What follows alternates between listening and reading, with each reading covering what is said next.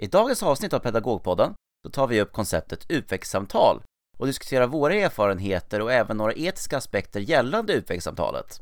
Vi svarar även på en lyssnarfråga.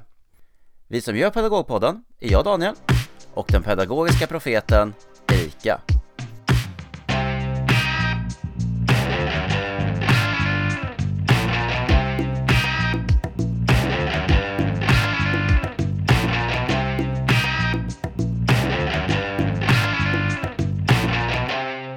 Hej och välkomna till Pedagogpodden!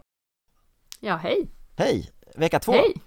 ja! Ja, Nu är det inte första gången längre. nej vi är veteraner helt plötsligt. Ja, känns Eh, bra. ja, hur har veckan varit? Veckan har varit väldigt intensiv. Särskilt idag. För idag har jag ju haft 14 utvecklingssamtal efter lunch. Vad passande att, eh, Ja. Veckans ämne. ja, underbar övergång också. Märks att vi är proffs. Ja, det är nästan så att jag bara hade samtalen idag för att vi skulle kunna prata om dem. Jag tror att det är så, att du bokat in dem Mm. specifikt just för det här. Ja, nästan så. Speciellt att vi bestämde det här ämnet för typ tre dagar sedan. Ja, det kanske var mer så att det kändes aktuellt. Ja, det, det är faktiskt lite aktuellt. Det har blivit lite så Ja. på, eh, på hösten. Ja, att, ja, men det känns lite nytt på något sätt att det är nu alla utvecklingssamtal är. Ja. Så var det inte för bara några år sedan. Nej. Jag som Men- har varit med ett tag. Men ska vi köra igång då? Ja, ja Ja. vi gör det. Veckans ämne. Ja, Ja, vi har, vi har haft våra i min skola. du är redan klar. Jag är redan klar. Vi körde det faktiskt förra veckan. Vad skönt. För de som inte är lärare så, så får man känna så som lärare när de är över. Ja, det får man faktiskt. Ja, Eh, jag har ju, det är väldigt skönt nu, som både, ja, både du och jag har ju sjuor och det blir ju ett mer lära, lära känna-samtal än ett, ja, rent sagt utvecklingssamtal. Och då är det ju väldigt bra att ha det just tidigt på hösten för att, eh, ja det känns ju lite tokigt att lägga det i december. Lära känna. ja, och man hinner ju inte Ja. liksom eh, bygga en större åsikt om eleverna om man har en nu eller om man har dem en månad runt höstlovet som då har varit den här traditionella tiden att ha Nej, men jag tycker att det är jättebra att ha lära känna samtal så som det är nu. Eh, själva tanken i alla fall tycker jag att det är bra. Sen tycker jag personligen att de är jobbiga, men på ett annat sätt än vad de vanliga utvecklingssamtalen är. Men det är bra för föräldrarna kan ställa eh, alla frågor och sådär. Då kan man reda ut lite missuppfattningar. Och det är ganska skönt. Men Ja. jag gillar ju de vanliga utvecklingssamtalen mer än de här samtalen. Jo, det man brukar säga också att vanliga utvecklingssamtalen, eh, i alla fall vårens utvecklingssamtal, brukar ju vara mycket senare på terminen än vad det har varit nu. Mm. Men det där är väl lite olika hur man har. Många har väl ändå i början av terminen båda, båda svängarna. Det är mycket möjligt. Jag har aldrig varit med om det. Jag, jag satt och funderade på det nu ungefär för 30 sekunder sedan. Undrar om hur det är på min nya skola. Ja, Det kanske borde ha kollat upp så här eh, lite innan vi faktiskt skulle spela in det här. ja, då kan jag säga att på min nya skola så är det i början på nästa termin. Okej. För jag har faktiskt, jag, jag tänker efter så här att jag har faktiskt utlovat ett samtal någon gång i mars till dem att under utvecklingssamtalen här förra veckan att ja men nästa samtal är det någon gång i mars. Så vi, vi hoppas att det stämmer då. Ja, ja, Jag sitter och berättar lögner för mina nya föräldrar. Jag, jag sa ingenting. Jag sa att, vi, att det blir nästa termin bara. Det man kan säga är också att eh, alltså, utvecklingssamtalet har ju fått en större roll sista åren. Ja, Ja, det bestämdes i, det lades in i skollagen att hösten 2013 att det skulle vara att det har fått en mer utvidgad roll. Att eh, utvecklingssamtalen i skolan inte bara ska fokusera på kunskapsutveckling utan det är även sociala utvecklingen är eh, viktig precis. och att den ska diskuteras. Eh, och det där är ju egentligen kanske inte så tydligt ändå. Nej, Jag tänker mot föräldrarna som kommer på samtalet, utan där tror jag att det kan bli en del krockar. Att man som, som förälder tror att det är ett annat samtal man kommer till än vad man faktiskt gör. Ja, och det har väl att göra lite med att, ja men, ja, för, föräldrar har ändå gått i skolan och haft de utvecklingssamtalen och är mer förberedd på att det ska bygga vidare på den typen av samtal som de, de har haft när, när de var elever och så vidare. Ja, och tänker att vi ska berätta, det är nu man får veta hur, hur det går för sitt barn Ja. i skolan. Mm. Exakt, men det är ju inte riktigt så. Nej, det är ju inte det. Och eh, i alla stadier i skolvärlden, förskola till gymnasie, så är det ju faktiskt så att man pratar om ungefär samma sak, kanske med vi- viss vikt eh, mot det sociala i vissa stadier, viss vikt mot kunskapsmässiga andra. Men även när till exempel, jag har inte hållit i ett samtal i förskolan, men jag har ju varit på ett par.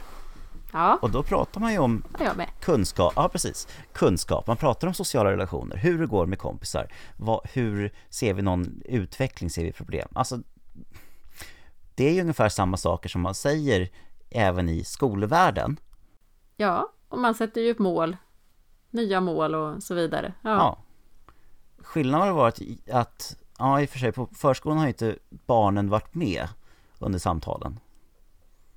Hos de nej, som jag de varit på. kanske inte nej. Nej, och för mig var det så länge sedan så jag kommer inte ihåg. Eh, nej, så var det nog nej. Att de var inte med barnen, nej.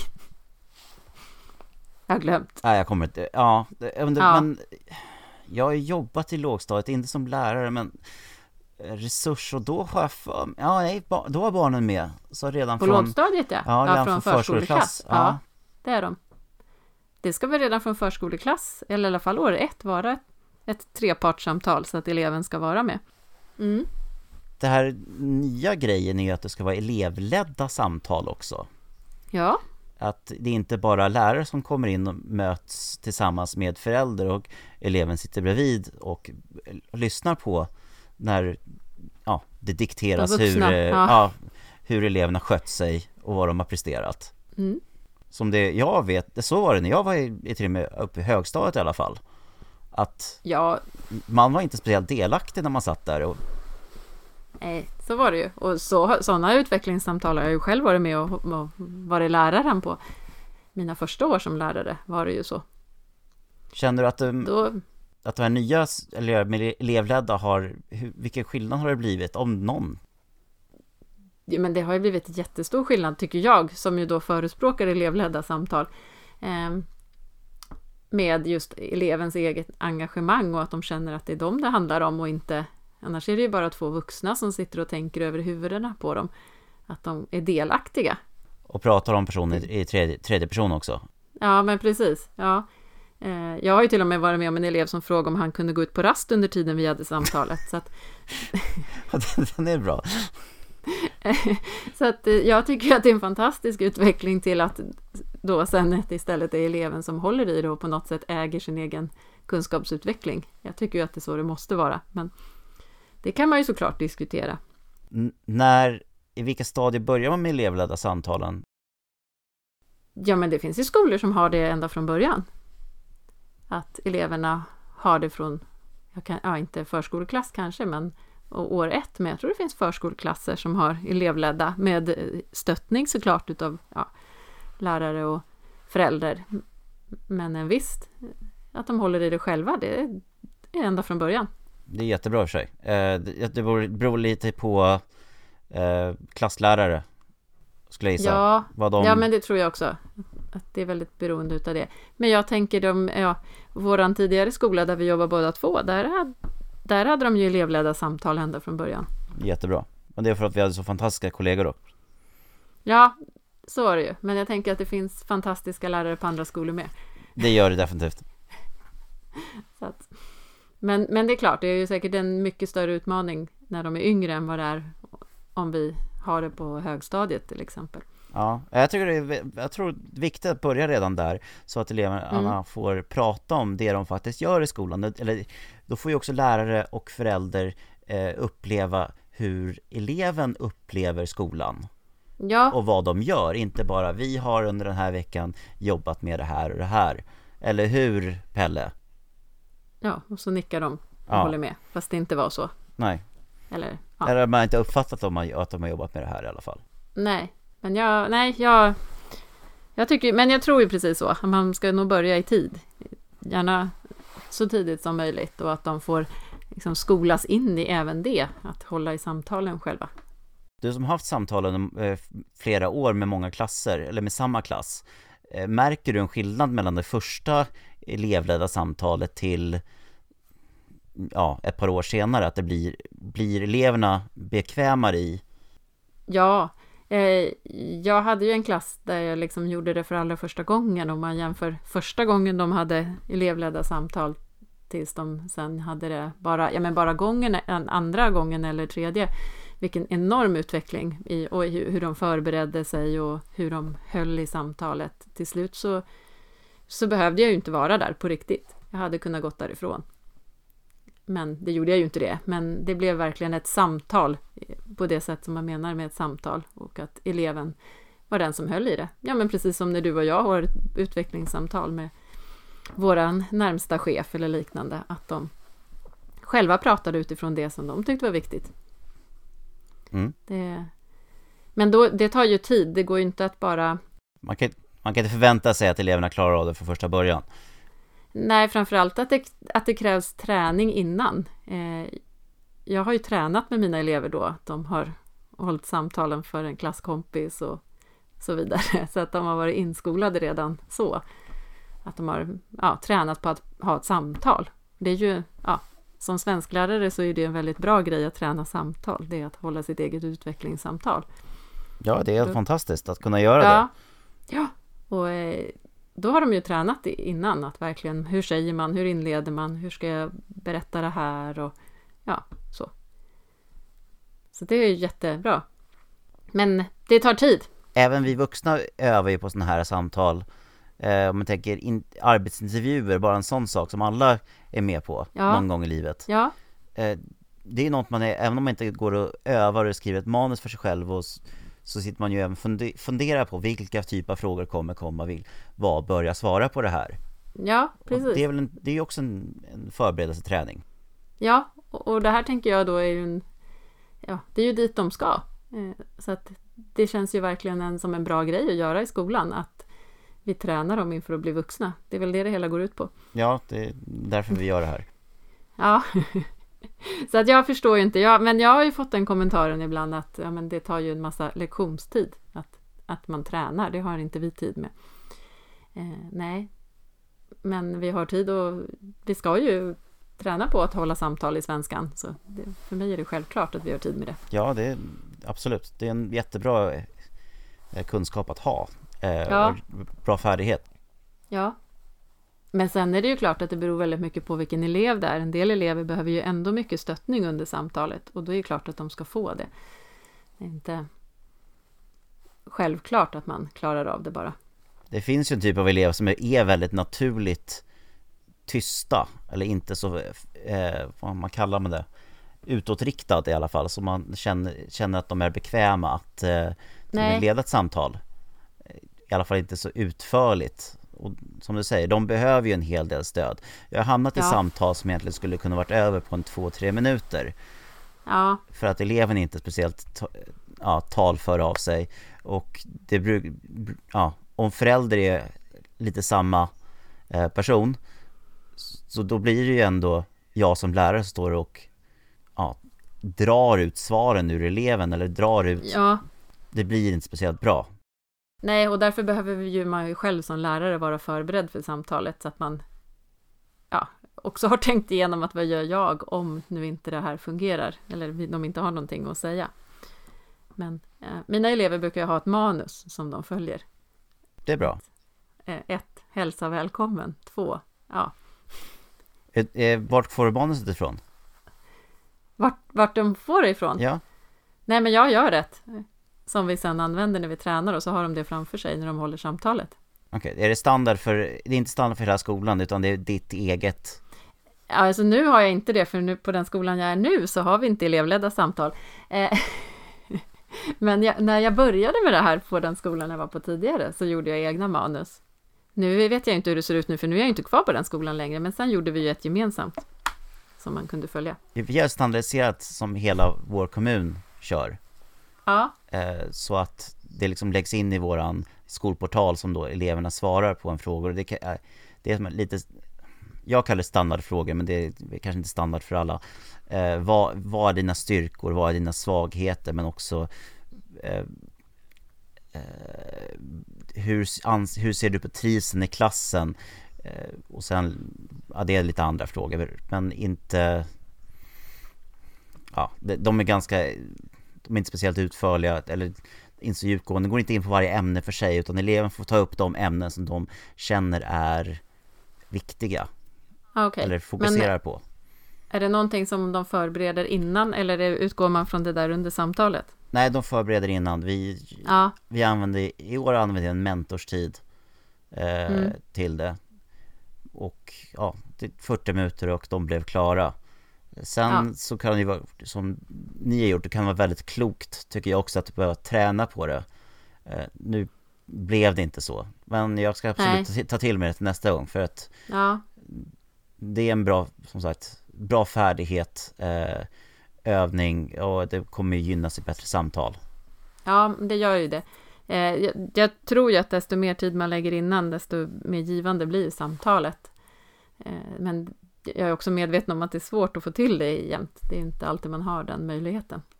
Har du, upplevt, har du upplevt att eleverna känner att det är jobbigt att prata om sin egen prestation framför kompisar? Eh, ja, en del har tyckt det. Eh, och då har jag sagt att man behöver inte prata om just själva presentationen, utan man håller med, tränar mer på det här själva ja, formella, hur det går till och, och säger att ja, och nu ja, ska jag prata om hur det går för mig i matte och sen pratar man inte om hur det går i matten utan ja, och nu var jag klar med matten så nu byter jag till svenska. Eh, så att de inte behöver berätta vad de tänker, hur det går, utan det håller de för sig själva om de inte vill berätta det. Men oftast brukar de berätta det och vara öppna med att ja, det här är jag bra på och det här behöver jag utveckla. Att inte det är någonting konstigt för att alla har någonting som, som de behöver utveckla och alla har någonting som kanske har varit lite lättare eller svårare. Men det beror ju lite på hur det är i klassen. Jag tänker, jag gjorde Ja, men vi har ett liknande sånt dokument nu där jag arbetar som de förbereder innan samtalet, även om de inte håller i hela samtalet själva sen, men de håller i den delen själva. Eh, och de var också väldigt öppna med och gick runt till varandra och ville berätta och visa. Så att jag tror oftast att det är ganska så avslappnat. Förhoppningsvis känner man sig lite stolthet över eh, det man har gjort och vill kanske prata ja. lite om det. Ja, jag tror det.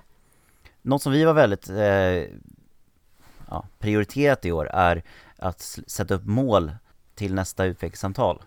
Ja. Och då var väldigt tydliga med att det ska vara någonting som är mm, ja, realistiskt, det ska vara mätbart, det ska finnas en tidsbegränsning så att det, det finns, vi vet eh, när det här skulle kunna vara uppfyllt. Hur har det fungerat med, med nya elever? Ja men då har det ju varit känner. väldigt, ja det, det, det blir lite svårt. Jag får ju lita på deras eh, egna självskattning helt enkelt. Så de säger ja. att, eh, ta som exempel, någon, någon tyckte att de skulle kunna göra 20 eh, armhävningar innan jul ja. under idrotten. Och kan, hur många kan klara av att göra nu? Jag vet inte, kanske tre. Och, och då är det ju en, ja, och hur ska, då får man ju ställa, komma i diskussionen, hur kom, ska du komma upp till 20 då? Ja. Mm, och då, ja men jag ska träna mer. Ja, då får man fortsätta bygga vidare. Okej, okay, hur mycket mer ska du träna? När ska du göra det? Och till slut kan man, kommer man ofta fram till en, ibland får man kompromiss. Eh, eller något sånt där. Någon, någon annan elev tyckte att hon skulle läsa fem böcker innan jul. Eh, och man säger, ja hur mycket... Hur, den är bra! Ja, ja. den är bra. Men så här, hur mycket läser du nu? Ingenting. Nej, har, ja, då är det tufft. Ja. så, ja, det, det gäller ju att hitta mål som fungerar. Ja, jo men så är det ju. Eh, ja, det, jag tycker det är svårt. Jag tycker just den biten utav samtalen är den svåraste. Ja, men jag tycker det är ändå... För att det ska bli de här det som ändå är det liksom allra viktigaste eller vad man nu ska säga att det är det där jag tycker det är så lätt att det blir saker som eleverna mest väljer bara för att det är så lätt att förstå eller gripbart för dem. Ja. Samtidigt tycker jag att det ger en ganska bra bild av, man lär ju känna eleven väldigt, väldigt snabbt då. Att ja, ja, den här eleven eh, anser att det här är viktigt och har den här målsättningen. Mm, ja, absolut. Så det blir en jättebra, eh, liksom, lära känna Mm. uppgift. Ja, jag tyckte det var svårt istället. Ja, det, ja, det är jättesvårt. Nu när jag, inte känner, när jag inte känner eleverna så tyckte jag att det blev jättesvårt att sätta upp. För några gick det naturligtvis eh, direkt och det var inga svårigheter. Men för några så var det väldigt svårt och då känner jag mig lite handfallen när jag inte känner dem. En sak som jag också tänkt på är man borde prata mycket mer om eh, det psykiska välmåendet eh, Ja, hos eleven. Man pratar lite om ja, hur det är i klassen, kanske är lite mer snällare, vad man ska för, för avsaknad av bättre ord. Man kanske borde vara mer hårdragen fråga rakt ut, hur mår du? hur mår du? Ja, Ja, är det verkligen så? ja, Speciellt när man kommer upp i de högre åldrarna tror jag, när det är Speciellt när man börjar lik, om i högstadiet blir gymnasiestress Gymnasiet kan jag tänka mig, ja, eh, arbetslivs högskolestress ja.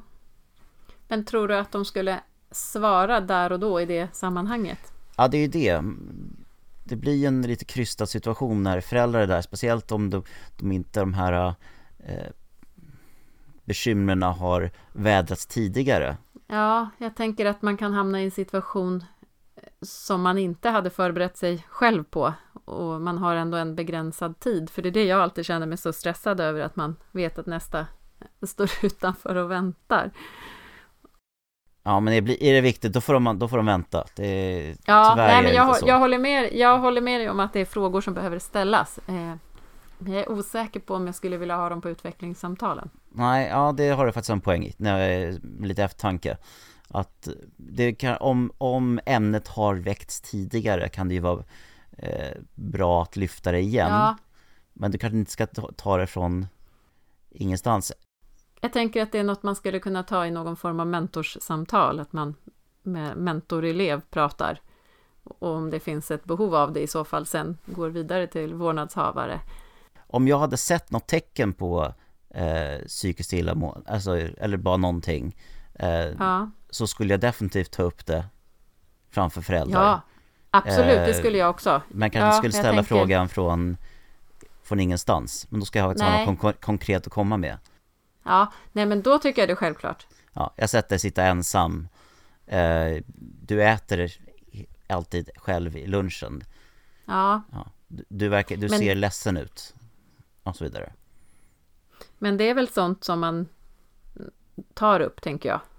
Ja, och kanske inte man spar till ett utvecklingssamtal heller i och för sig. Utan man Nej, jag- försöker ta det direkt när man Precis. ser det. Ja, jag tror det är som med allt det här att det är sån beroende på situationen. I vissa fall så är det bra att ta det på ett utvecklingssamtal och i vissa fall så är det bättre att ta det just där och då. Det finns inget, inget egentligen, ingen sån här formel, gör så här. Nej, om den, Man får om gå den på känsla. Ja, om det ändå gjorde det, Mm. vad skönt det vore. Jag vill ha den manualen. Jag har faktiskt gått en 7,5 poängs kurs i uh, utvecklingssamtal. Har du? Ja, den, den hette inte, jag hittade inte direkt utvecklingssamtalet, men det, i princip handlar den ju hela kursen om just utvecklingssamtal. Ja, men undrar om inte jag också har någon sån i min utbildning. Kanske jag har. Det var så länge sedan. Ja, det, jag, ligger lite färskare, men jag kommer ihåg det var, det var en bok med ett gult eh, omslag. Nu har jag letat efter den eh, i två dagar, men jag hittade den inte. Så jag, jag kommer inte ihåg om jag har lånat den eller om det jag bara har eh, kastat den. Men jag vet, vet du, den har jag också haft. Nu när du säger det Mm. så kommer jag helt spontant på. Jag sa ju förut att, ja inte här nu som, som ni andra som lyssnar hörde det, att jag sitter i vårt arbetsrum. Jag har massor med böcker här. Den står här någonstans. Ja, perfekt. Ja, Då så jag har gått kursen. Ja, då så. Det enda jag kommer ihåg, så här som jag kan säga att jag lärde mig på den kursen, det var att jag aldrig skulle låta föräldrarna sitta på elevernas bänkar och stolar. Av anledningen. Ja, särskilt inte om man har yngre elever för att hur förminskad man känner sig som människa om du tvingas trycka ner dig i en bänk som är anpassad för någon som är 1,30 Ja, när du själv är 1,80. sant. Ja, att man då eh, hamnar i rollen att jag själv är elev igen. Ja, Att man istället ska sitta på något annat sätt. Sen går ju inte det. att den har jag varit med om att Men det, ja, när du säger sådär så låter det ju, ja, helt galet. Ja, men var ska vi sitta då? Ja, Ja, när alla, eller ja, men jag tänker i alla fall hur det är på den skolan där jag arbetar. Alla har samtal samtidigt. Nu har jag äldre elever då, så att där är ju inte det här ett bekymmer, men om alla har samtal samtidigt så blir det ju lätt att man sitter i klassrum. ja. Det är också en utveckling som har skett eh, under senare år att Mm. i, alla fall bland de äldre åldrarna att eleverna att det, ja, utvecklingssamtalen har flyttat till arbetstid istället för efter skolan och kvällar. Ja, Vilket såklart vi lärare är väldigt glada för. ja, ja, det är klart att vi är. Det, det är väl jättebra att vi har samtalen på våran arbetstid. Och elevernas arbetstid. Ja, jag tänkte säga det, och även elevernas arbetstid, att de inte ska behöva komma tillbaka efter de har slutat. Utan det blir ju vårdnadshavaren som får Anpassa sig. anpassa sig. Mm. Men jag tycker att det går oväntat bra. Ja, jag har inga större protester och oftast Nej. Det är väldigt sällan någon ber om tid efterhand. Alltså efter Ja. de här tiderna som faktiskt erbjuds. Ja, i så fall är det att just den dagen inte passar. Det har ingenting med att göra att det är dagtid, utan att just den dagen är svår. Och det kan man ju förstå. Ibland är vi ju inte jättesnabba i skolan med att gå ut med datum heller. Nej. Och jag tror också arbetsgivare har blivit mycket mer tillmötesgående med när man säger ja, min son eller dotter har utvecklingssamtal, jag behöver åka iväg en timme. Ja, precis. Ja. Det gäller bara att läraren håller tiden, vilket jag inte gjorde idag. Hur illa blev det? Nej, till slut så var jag eh, ja, en hel, ett helt samtal fel.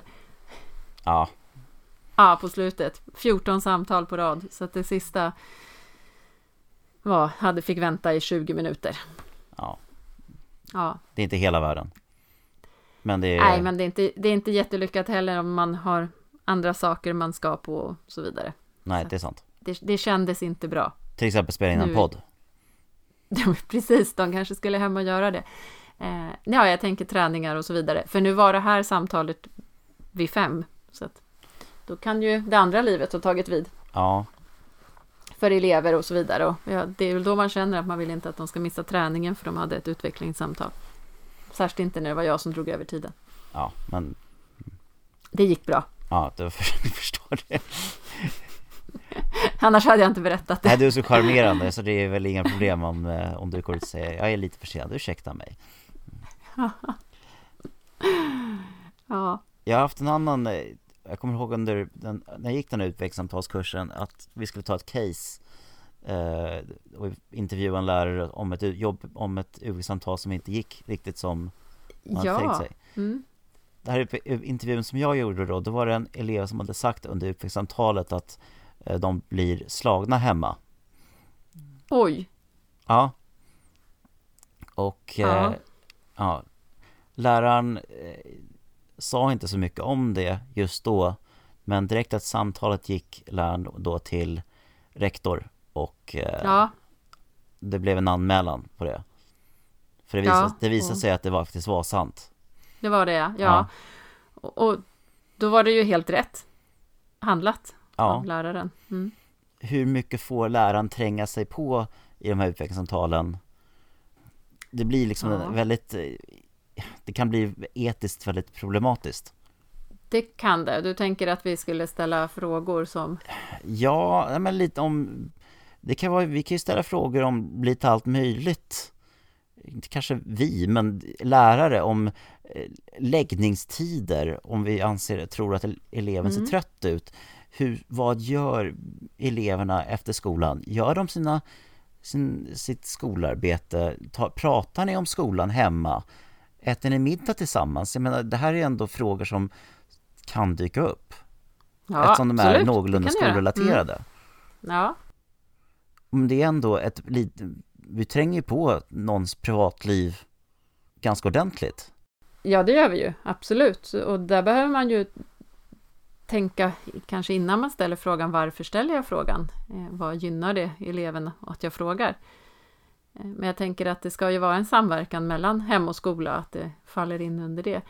Att eleven, ja, vi gör det ju med ett syfte att eleven ska få ut bästa möjliga ut av sin skoltid. Men man kanske inte ska ställa frågan om det inte finns en anledning. Nej, men det hade man ju inte gjort. Men eh, Nej, var ska sko- skolan dra gränsen från hur mycket de lägger sig i? ja, det är en bra fråga. den kanske vi har några kloka lyssnare som kan hjälpa oss med. Jag känner att jag känner mig jätteosäker nu. Ja, jag har inget så här, klockrent svar eller som, som jag, jag känner är det rätta. Utan jag går och svajar lite vad jag tycker är okej okay och inte. Och ja. är, har ändrat mig sedan jag eh, till och med ställde frågan för två minuter sedan. Oj då, ja. ja.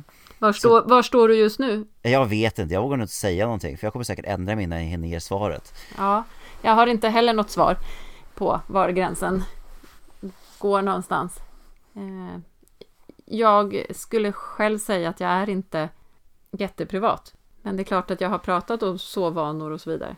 Och det ställer ju också lite, lite följdfrågan, hur mycket kan man kräva av föräldrar under samtalen? Ja.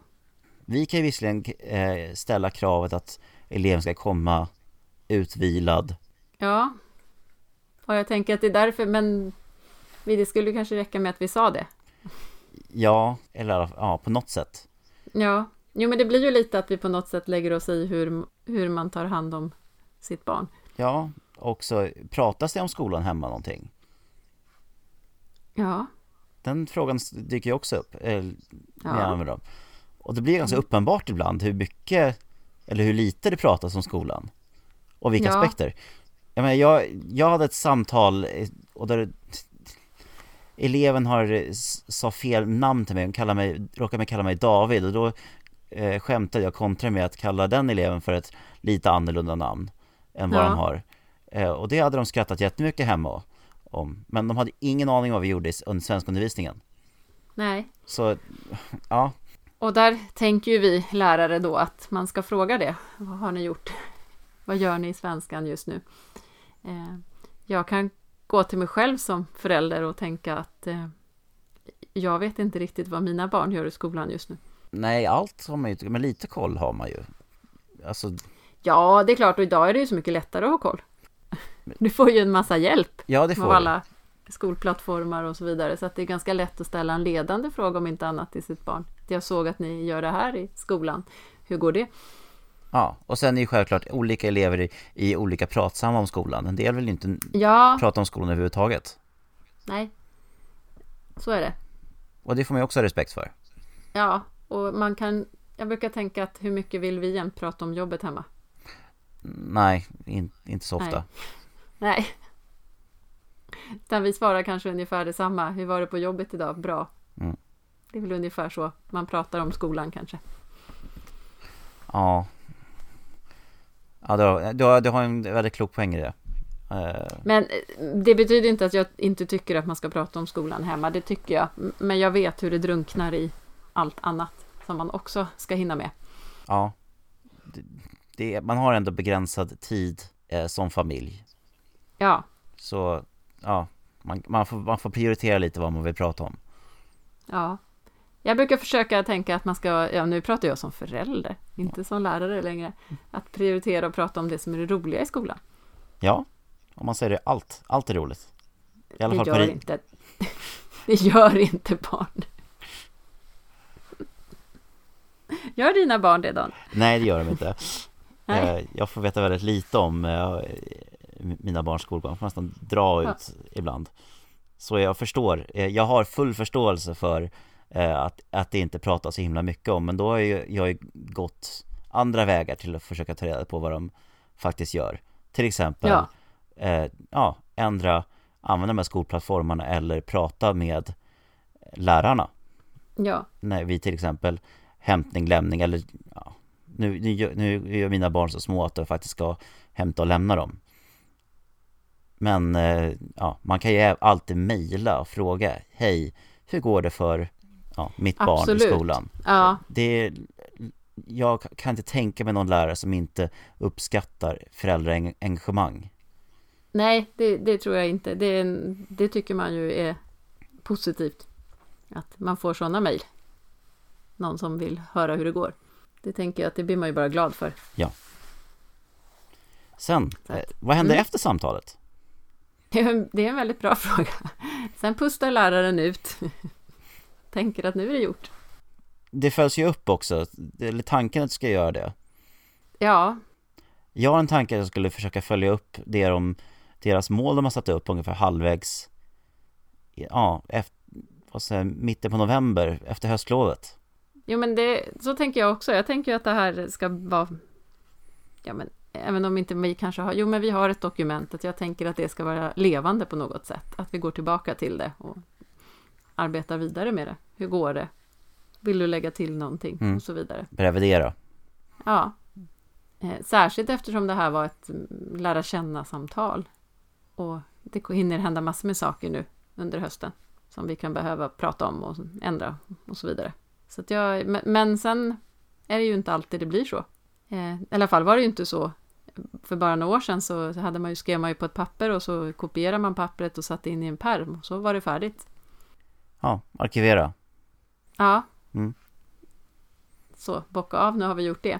Det kan, och det är Och- kanske det som är bra med de här skolplattformarna som då, Jag tänkte det, ja. det blir ju extremt lättillgängligt. Jag menar, ett, ett par klick så har du fram dokumentet och kan ändra i det.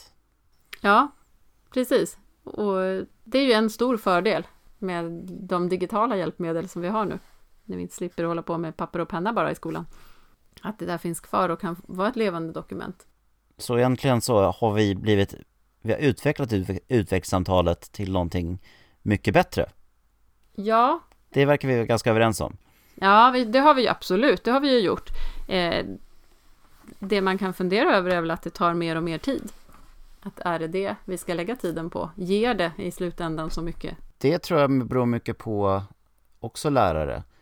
Eh, att hålla det här, att det verkligen inte blir, att det blir någonting som vi faktiskt jobbar med. Det är de här målen till exempel, eller den individuella, individuella utvecklingsplanen som, Ja, som Som faktiskt heter. skapas. Ja, precis. Eh, så det beror ju, och det kan ju inte ligga bara på mentorer, utan det ska ju också vara alla undervisande lärare om man nu har det, om man inte har klasslärare. Och jag tänker att det är där som den stora svårigheten kanske ligger just nu. Det är hur får man det att nå ut till alla undervisande lärare? Ja, då, precis. Där har du en enorm fördel om du är klasslärare och Ja. kan, har din klass större delen av undervisningen. Det är något som, ja, det finns, finns saker kvar att utveckla med andra ord. Jag tänker det. Eh, eh, utan att egentligen veta. Det är inte så att jag har åkt runt och undersökt det.